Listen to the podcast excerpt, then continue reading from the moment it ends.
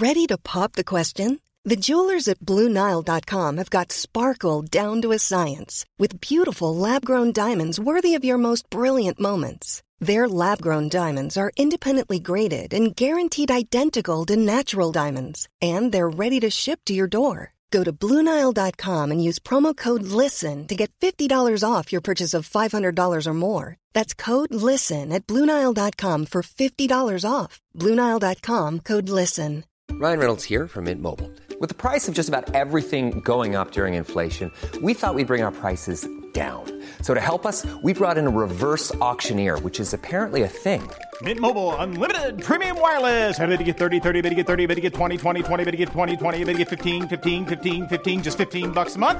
So, Give it a try at mintmobile.com slash switch. $45 upfront for three months plus taxes and fees. Promo rate for new customers for limited time. Unlimited more than 40 gigabytes per month. Slows. Full terms at mintmobile.com.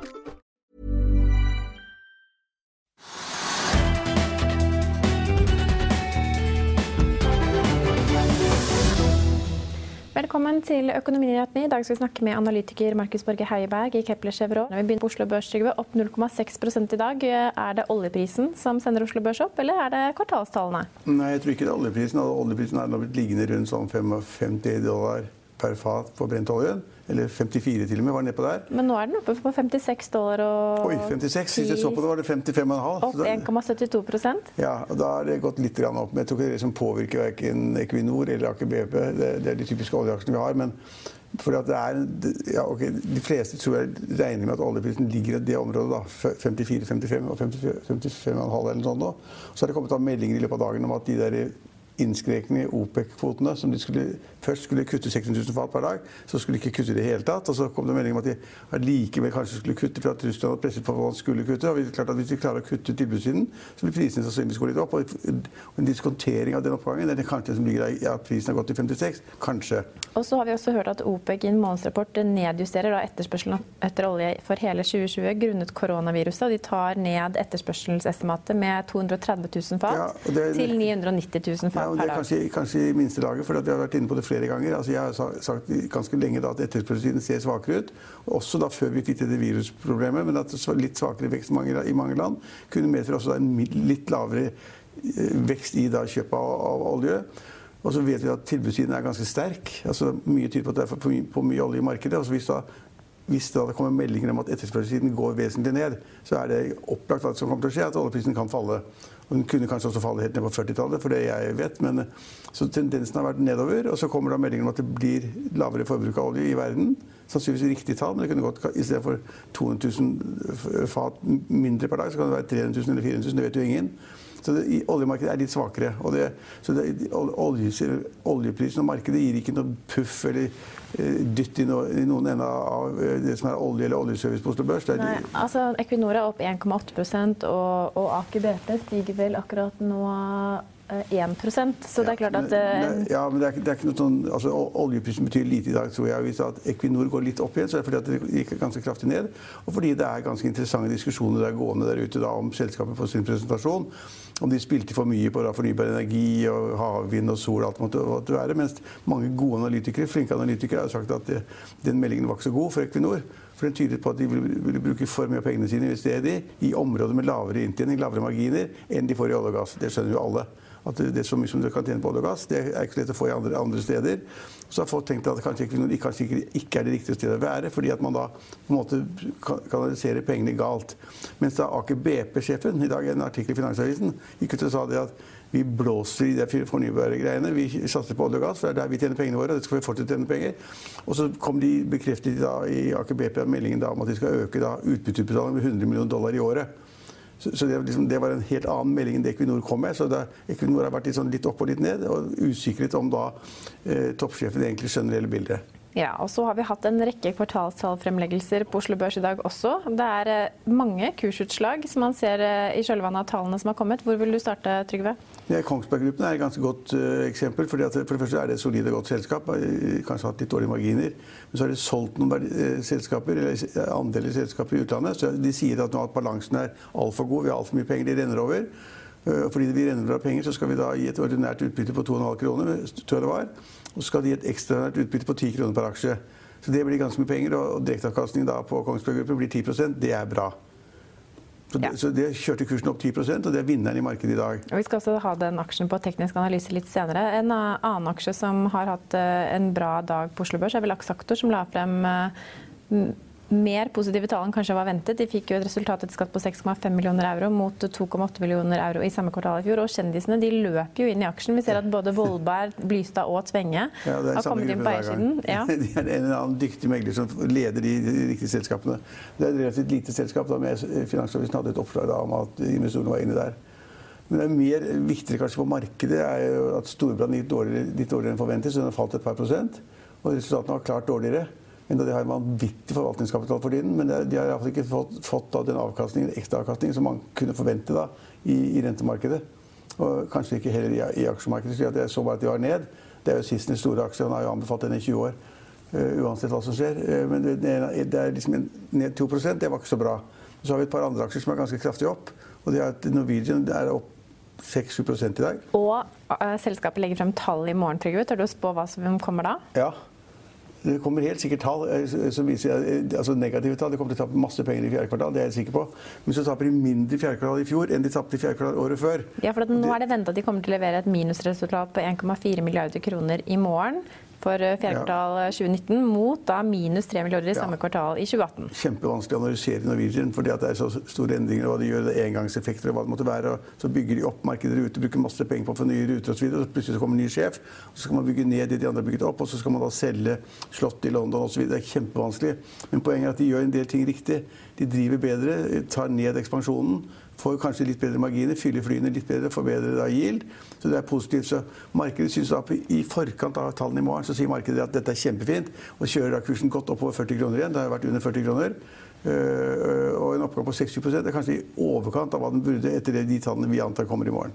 I går snakket vi mye om laks med vår gjest Kolbjørn Giske Ødegaard. I dag kom eh, Movi med tall. Det var i stor grad ventet hva selskapet kom til å si på sin kvartalspresentasjon. Det ser man kanskje i utslag på aksjen, som bare faller 0,2% på, på kvartalsfremleggelsen. Men, eh, men, hva tenker du? Ja, men de guider ganske godt, da. så de, vi kan overraske. Så det er ikke noe vanskelig. Hvis, hvis man altså da har gode, god, kontakt, god kontakter i meglermiljøet, så er det ikke noe vanskelig å guide omtrent på øret hva det er. Men hele tiden liksom at markedet vet hvordan det går. Da. Så jeg, jeg, har ikke sett noe særlig på aksjen i dag. Nei, men den, eh, Vi skal få høre hva DNB, DNB Markets tenkte etter tallfremleggelsen for Movi-tallene i dag. Finansavisen står her sammen med Alexander Aukner i DNB Markets. Um, vi har vært på Movi sin kvartalspresentasjon. Hva synes du om kvartalet? Kvartalet var egentlig ganske kjedelig, men kjedelig er jo stort sett bra når man ser på hva andre selskaper rapporterer om dagen. Så trading-updaten var jo ute, og da vet vi på en måte hovedtallet, som er eh, operasjonell EBIT. Eh, kostguiding var litt svakere i Norge og Canada, eh, men kontantstrømsguidingen var positiv. og Fremtidsutsiktene på etterspørselssiden var også bra. Så all in all egentlig ganske nøytralt kvartal. Så ingen store overraskelser? Nei, jeg syns egentlig ikke det. Eh, men som sagt eh, Kjedelig kan være ganske bra, sånn som verden ser ut i dag. Eh, og det er et, et stabilt, godt resultat. Hva tenker du om koronaviruset, hvordan det vil påvirke Movi fremover? Eller for første kvartal? Det blir litt som, som selskapet også svarer på, på, spørsmål. Det er veldig vanskelig å si. Det er klart at uh, eksport til Kina er jo betydelig redusert. Uh, og de volumene må jo gå inn i Europa og USA. Uh, men nå er det sånn at slaktevolumene er ganske lave per i dag. Så netto så tror jeg egentlig summen blir ganske nøytral. Og det ser vi også på prisutviklingen som vi ser i spotmarkedet. Det er ganske liten effekt i forhold til hva vi forventet før koronaviruset kom ut. Ja, Før vi slipper Oslo Børs, skal vi si et par ord om Norsk Hydro? Ja, altså Hydro er litt, etter min oppfatning litt overraskende opp ganske sterkt, det er 5-6% og Det er ingen opplysninger som skulle tilsi det. Men det er det at det kommer stadig meldinger om at forvaltere, fond osv. Vi skal alltid ha Hydro i pakken. Man har vært ganske negativ da, til Hydro i det siste. til at Aksjen var godt under 30 kroner. Eh, jeg husker ikke om det var 7 eller 28 kroner per aksje. Så har den plutselig kommet opp igjen. og Da tror jeg det ikke skyldes noen ting i tallene. Fordi Ledelsen sier hele tiden at de skal kutte kostnader, ha nye programmer for kostnadskutt og bla, bla, bla. Men aksjene er veldig avhengig av aluminiumsprisen, og der er det ingen bedring for tiden. Så jeg tror det at liksom interessen for Hydro er alltid noen skal fylle opp sine fond, eller de aksjene de skal ha i forvaltningen. I Hydro så har kursen gått 4-5-6% på én dag, og det er altfor mye. Ja. Så kursen har gått over 30 kroner igjen. En annen aksje som også er opp i dag, er XXL. Akkurat nå opp 6% og Det tar oss rett over til eh, dagens gjest, analytiker i Kepler Chevron, Markus Borge Heiberg. Velkommen til oss. Du har jo dekning på en rekke retail-aksjer. XXL inngår i den eh, dekningsporteføljen din. Eh, hva, hva, kan du si sånn helt på stående fot om XXL? På stående om i dag? Ja. Generelt? Nei, i dag fikk vi litt nye nyheter fra, fra Sunde. Eller ja. fra, fra boet til, til Gressvik, hvor det da har kommet inn et bud vi vet ikke hva det er, eller hva, hvilke forbehold som ligger der.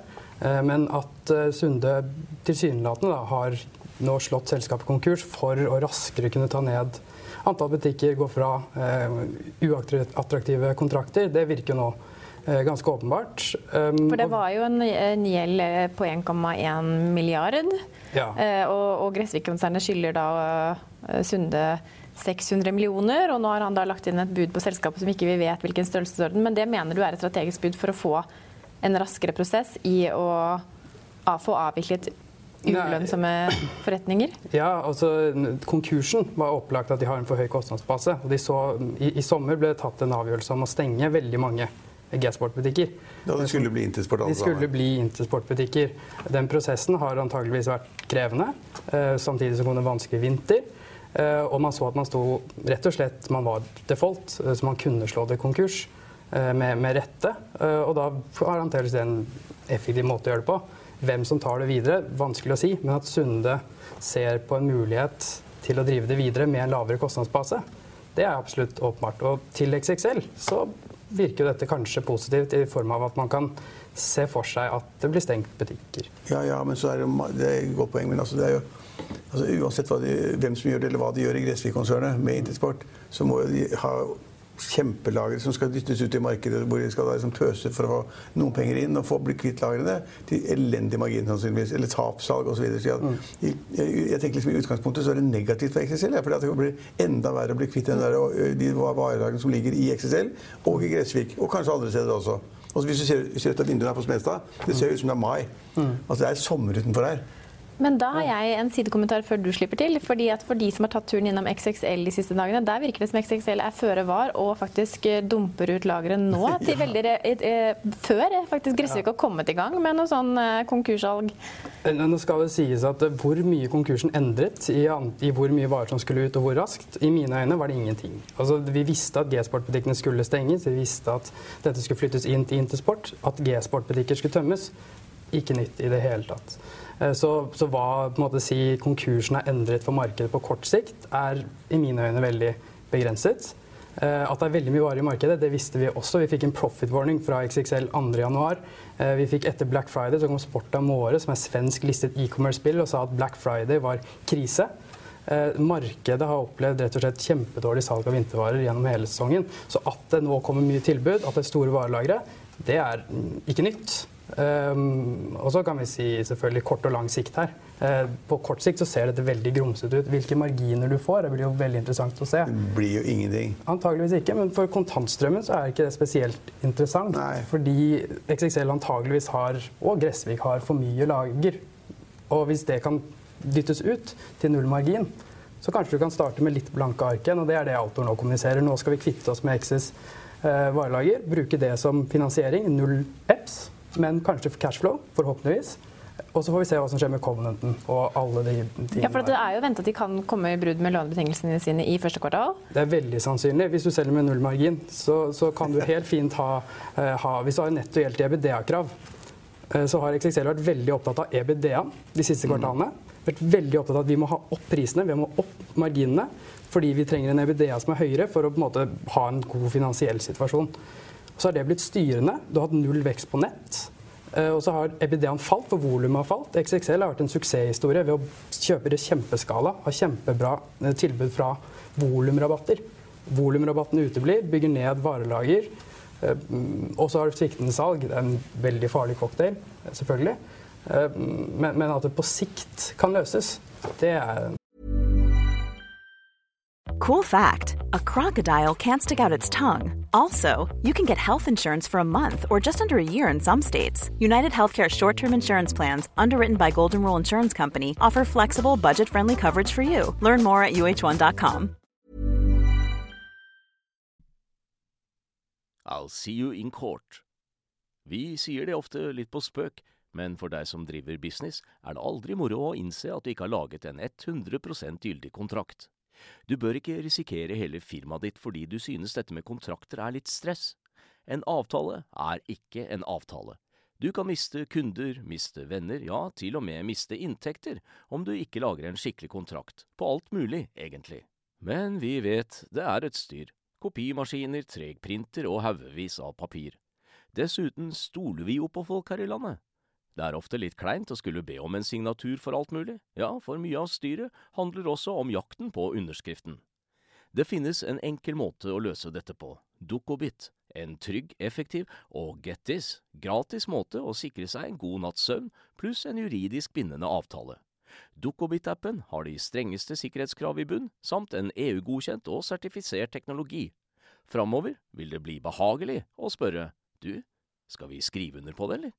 Kom i gang på dokobit.no. Men La oss gå litt tilbake noen uker eller måneder. Eller sånn. Er det riktig at du, sa, du, du spådde en konkurs i Gressvik?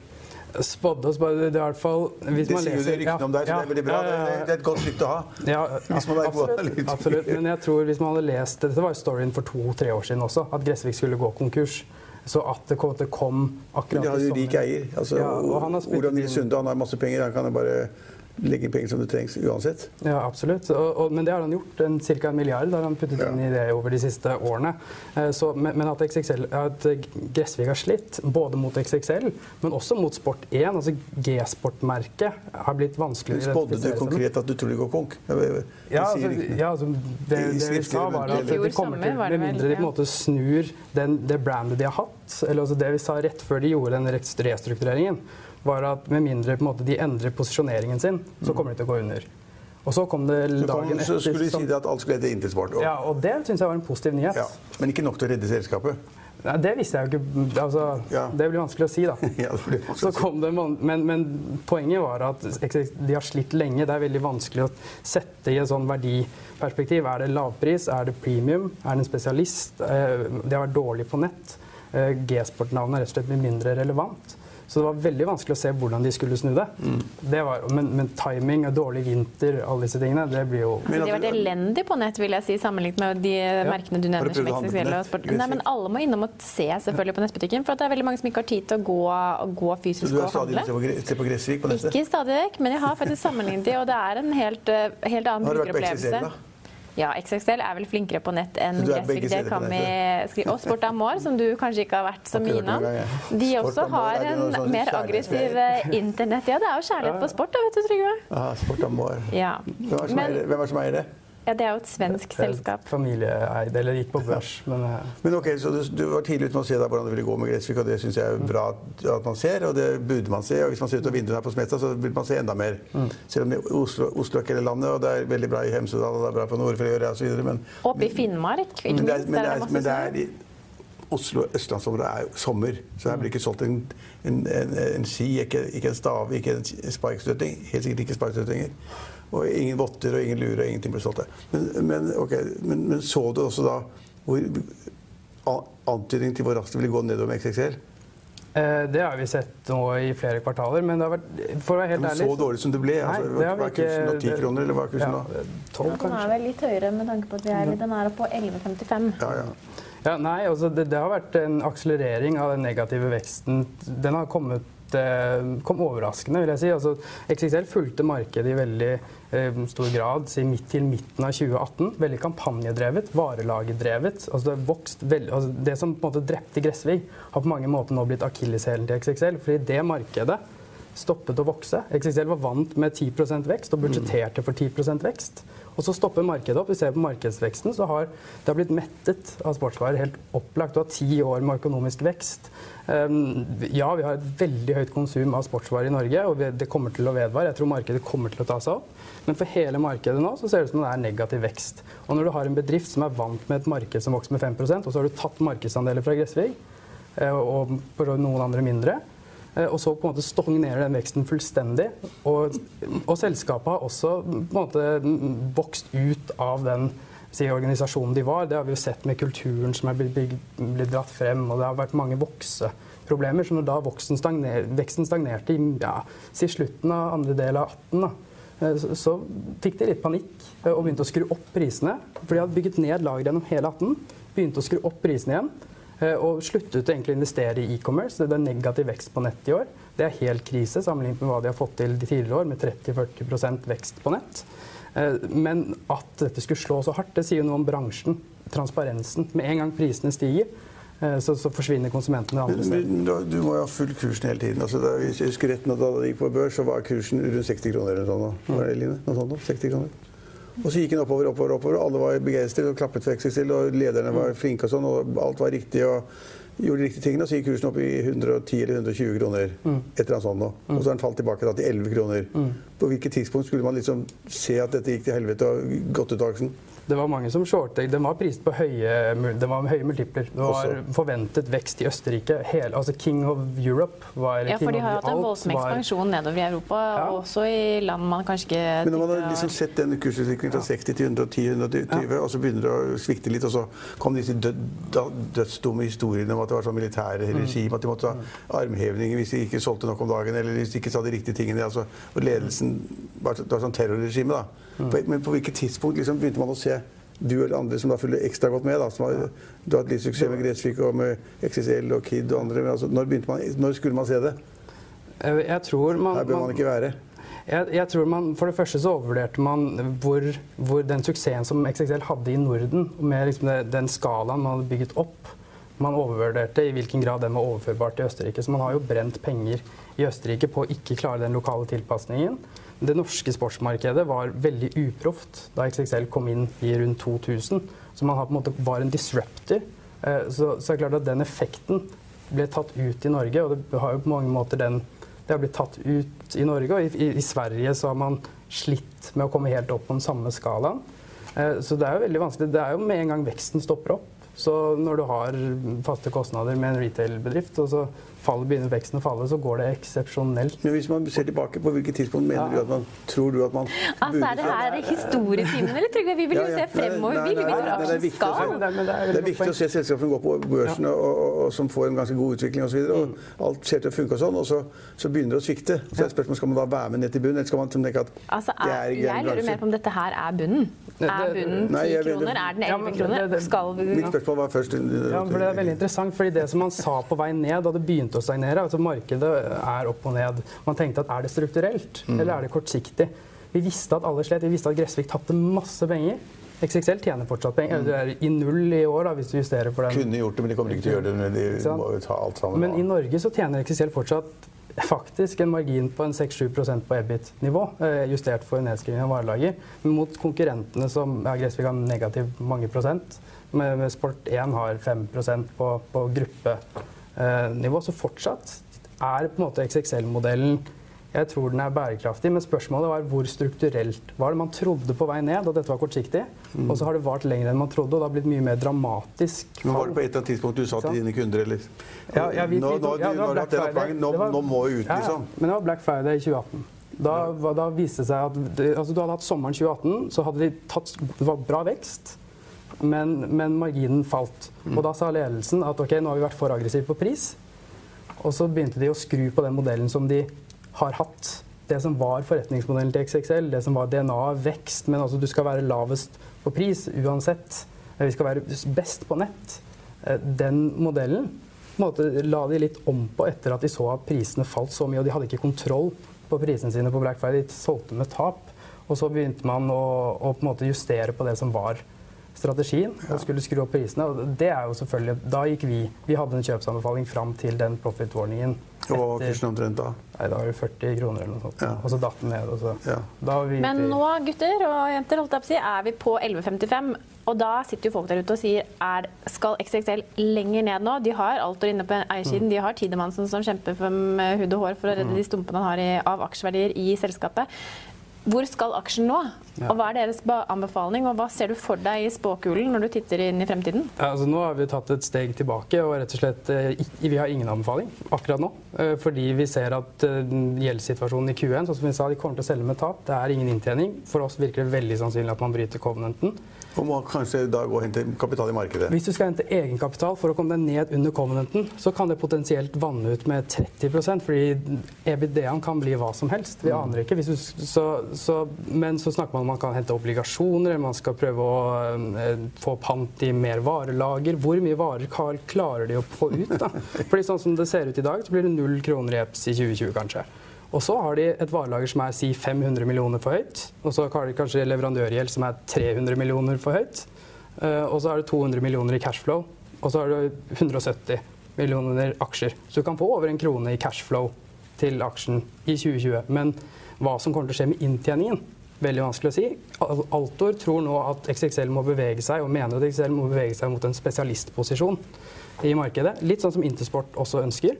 Fordi det man ser med vellykkede turnaround-storier, det er at man, man, har gått mye tettere til brandsene. Man ser en polarisering der en måte, enten så er det discount, eller så er du premium.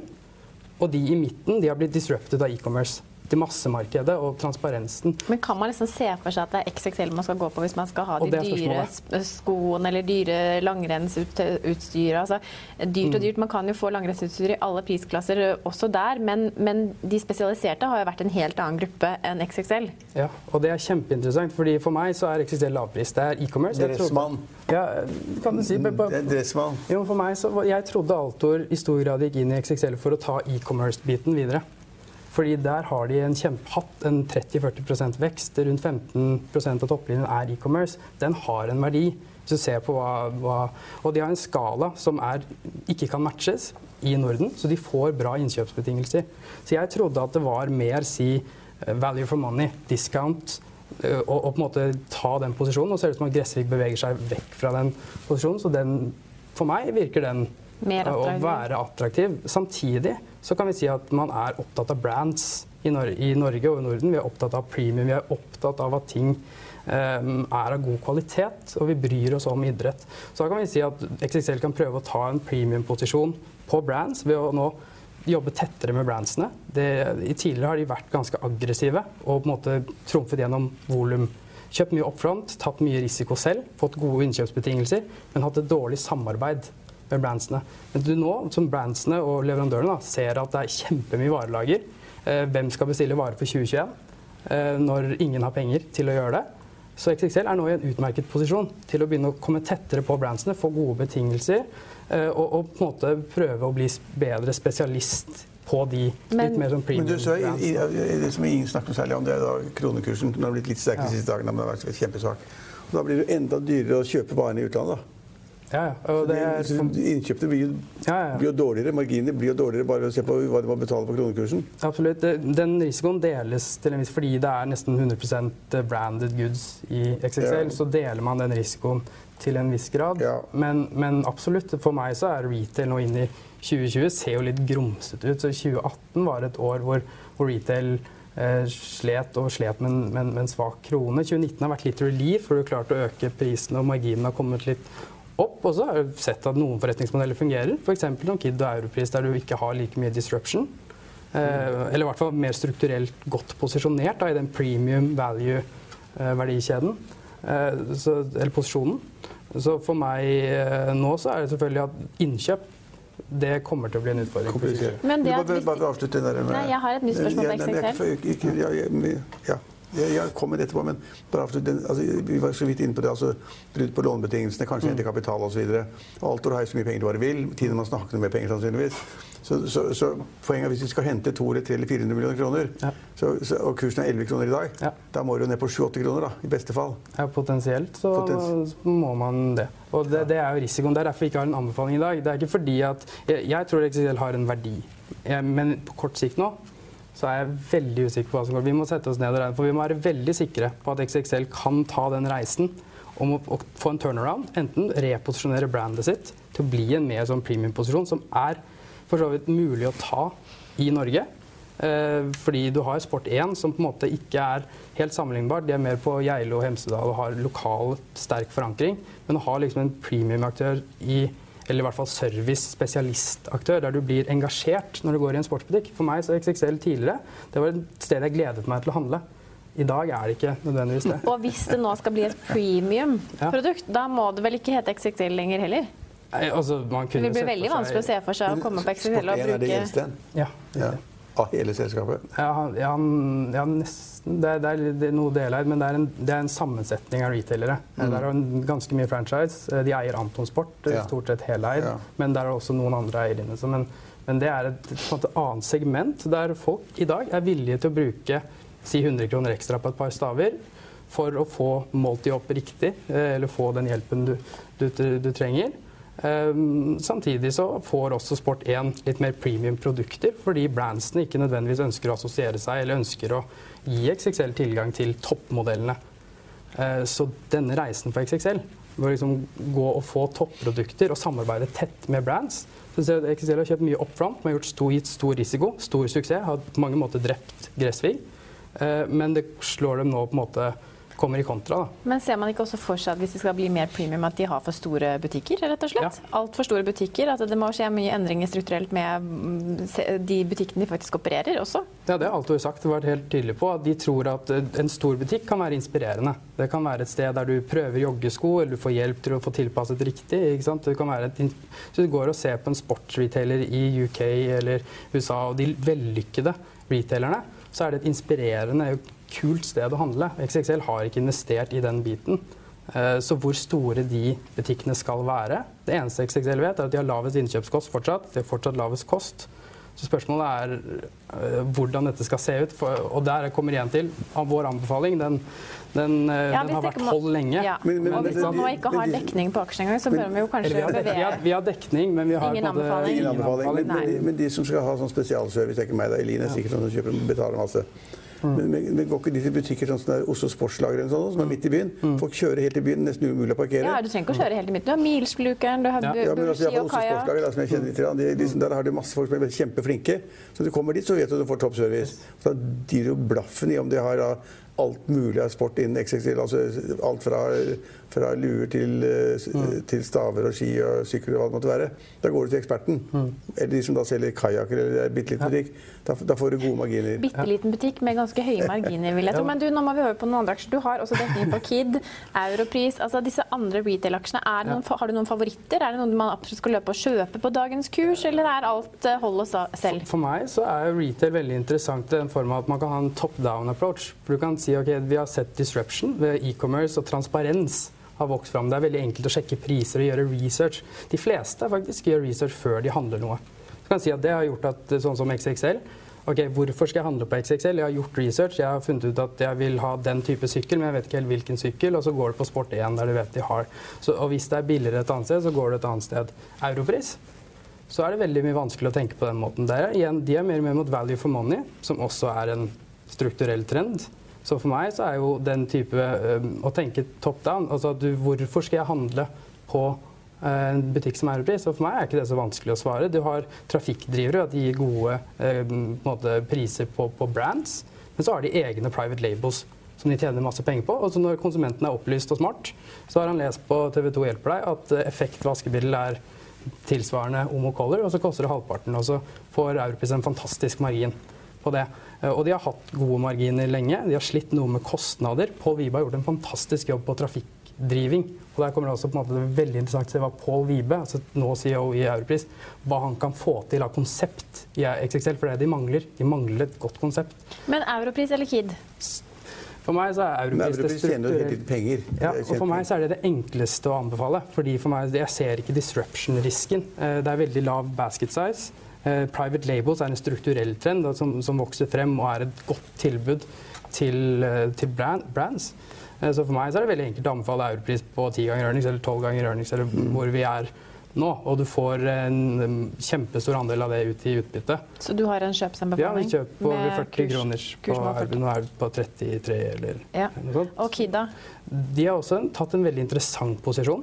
Um, det er også på mange måter litt vanskeligere å plassere den, den discount mot, mot premium-segmentet. Men de har klart å ta et segment innenfor opplevelser, og at det er liksom gøy å handle. Det er investert i butikken. Det er mye bedre konsept enn Princept. I hvert fall, eh, er det ikke Ica? Nei, de, Kid har brukt mye mer penger på butikkene sine. Så de ja, okay. ser nå mye Og Kjersti Hobøl som har vært der, har gjort en kjempegod jobb. Så hvis du går inn i Nille nå, så vil du se at Nille-butikken har hevet seg vanvittig i hvor, hvor si, fine eller innbydende de er. Da. Og der har Kid gjort en kjempegod jobb. Jeg, jeg, gleder meg. Jeg skal bli gjerne med Trygve Hegnar inn i en Nille-butikk. Hvor finnes det? Ja, det. det får vi finne ut av etterpå. Kanskje det blir en egen videoreportasje. Ja, ja, men Kid er også et kjempegodt kjøp. Det er samme type prising som, som Europris. Og jeg tror de har funnet en nisje eh, som er veldig vanskelig å disrupte. 100% private label. Så det betyr at de har veldig god kontroll over verdikjeden. Stiger kronekursen, eller faller kronekursen med 10% er det et kjempeproblem. Men de sitter hedget, og de har veldig, historisk vist vært veldig gode til å justere prisene. Og har et veldig godt system for det. Altså, du kan du ikke sammenligne en Kid-pute med en Princess-pute. Eh, hvis du går inn i en Kid-butikk og syns at produktene der er finere og butikkene er bedre, så, så, kjøper du den puten for 199, selv om tilsvarende kvalitet kanskje koster 150 hos Princess, men det er umulig å vite. Ja. Eh, jeg trodde, det var, jeg trodde det var 1000 kroner kontra 100 kroner. Ja, det spørs jo på putten. ja, så, så, to kjøpsanbefalinger på tampen, og det er både Kid og Europris. Ja, absolutt. Ja, er men jeg, jeg, er helt enig der. Men også et lite poeng hvem som eier disse tingene. Altså, vi vet jo at eh, Gjelsten. Gjelsten eh, eier Kid. Mm. Han er en smart type. Fornuftig, kommersiell, bare som bare, bare rakkeren. ikke sant? Så han er på det riktige stedet. Så det teller noe hvem som eier og leder selskapet også. Ja, og I retail er det kanskje det viktigste. For her handler om det er disruption hele tiden. Det skjer ting. Konsumentens atferd endres ja, ja. hele tiden. Så det å ha en ledelse som skjønner at nå må vi gjøre noe og det er, Ikke for å si noe vondt om forrige ledelse i XXL, men at man ikke har fulgt helt med i tiden. Det virker for meg åpenbart. Mens i Europris og i Kid så har man definitivt Så er det da noen som sier internasjonalt liksom retail er ut. og skal ja. ikke være der i det hele tatt. Men det handler om disruption, og det handler om å ikke være den som blir tatt av Amazon. Nei. Det handler om, for, for meg så er det vanskelig å se for seg i Norden at, eh, at Amazon kan ta veldig mange posisjoner, fordi eh, e-commerce er vanskelig. Logistikk er dyrt. Vi har PostNord og vi har Posten, som er statsdrevne selskaper med null margin. Eh, for, for da Amazon å bygge opp et nettverk som disrupter det. Vanskelig. Men det er klart at, at, at, retail endrer seg, og det endrer seg mye raskere enn hva det har gjort tidligere. Det er åpenbart. Så de som sitter igjen og ikke har et konsept som på en måte er levedyktig i en ny og transparent verden, det ja, altså Kjøpesenter som har vært en gullgruve for mange investorer som jeg kjenner også. da. Masse mm. penger og tjent masse penger. Og plutselig sier folk man kan ikke være i kjøpesenter for at liksom, de skal ikke ha butikker i butikker i første dag. De skal bare ha restauranter og puber og men hvis, film, butikk, men hvis du er en butikk som folk har lyst til å dra på, ja, fordi det er de lekes, lekesenter der, det er filmer der, eller det er puber eller restauranter der. Ja, ja, men hvis du har et konsept som er attraktivt fordi ja. Folk vil alltid handle i butikk. Folk vil fortsatt se ting fysisk. Ja. Kan du tenke noe bedre Trygve, enn å ta et glass champagne og så gå og kjøpe den vesken de 20 000? Det er bare luksus hele veien. Sette seg ned med en restaurant på, på City Vest, det kunne jeg ikke tenke meg, nei. nei det er Poenget er at de, gode, de, kan jo potensielt få gode leiebetingelser etter hvert. Ja, de, de, selskapene som Fordi du trenger HM sier jo at de mange steder ikke har eh, leie. Eh, at de bare har variabel leie fordi at eh, sentrene syns det er så attraktivt å ha en Nå har kanskje det endret seg litt, men. Eh, men, men, fortsatt det at de attraktive konseptene fungerer. Så de som fungerer, vil definitivt, tror jeg det fortsatt er gode muligheter til å investere i. Ja. Tusen takk for at du kunne være gjest hos oss. Vi er tilbake i morgen klokken 15.30. Da har vi med oss Ernst Ravnås fra advokatselskapet Sans i studio. Følg med oss igjen da.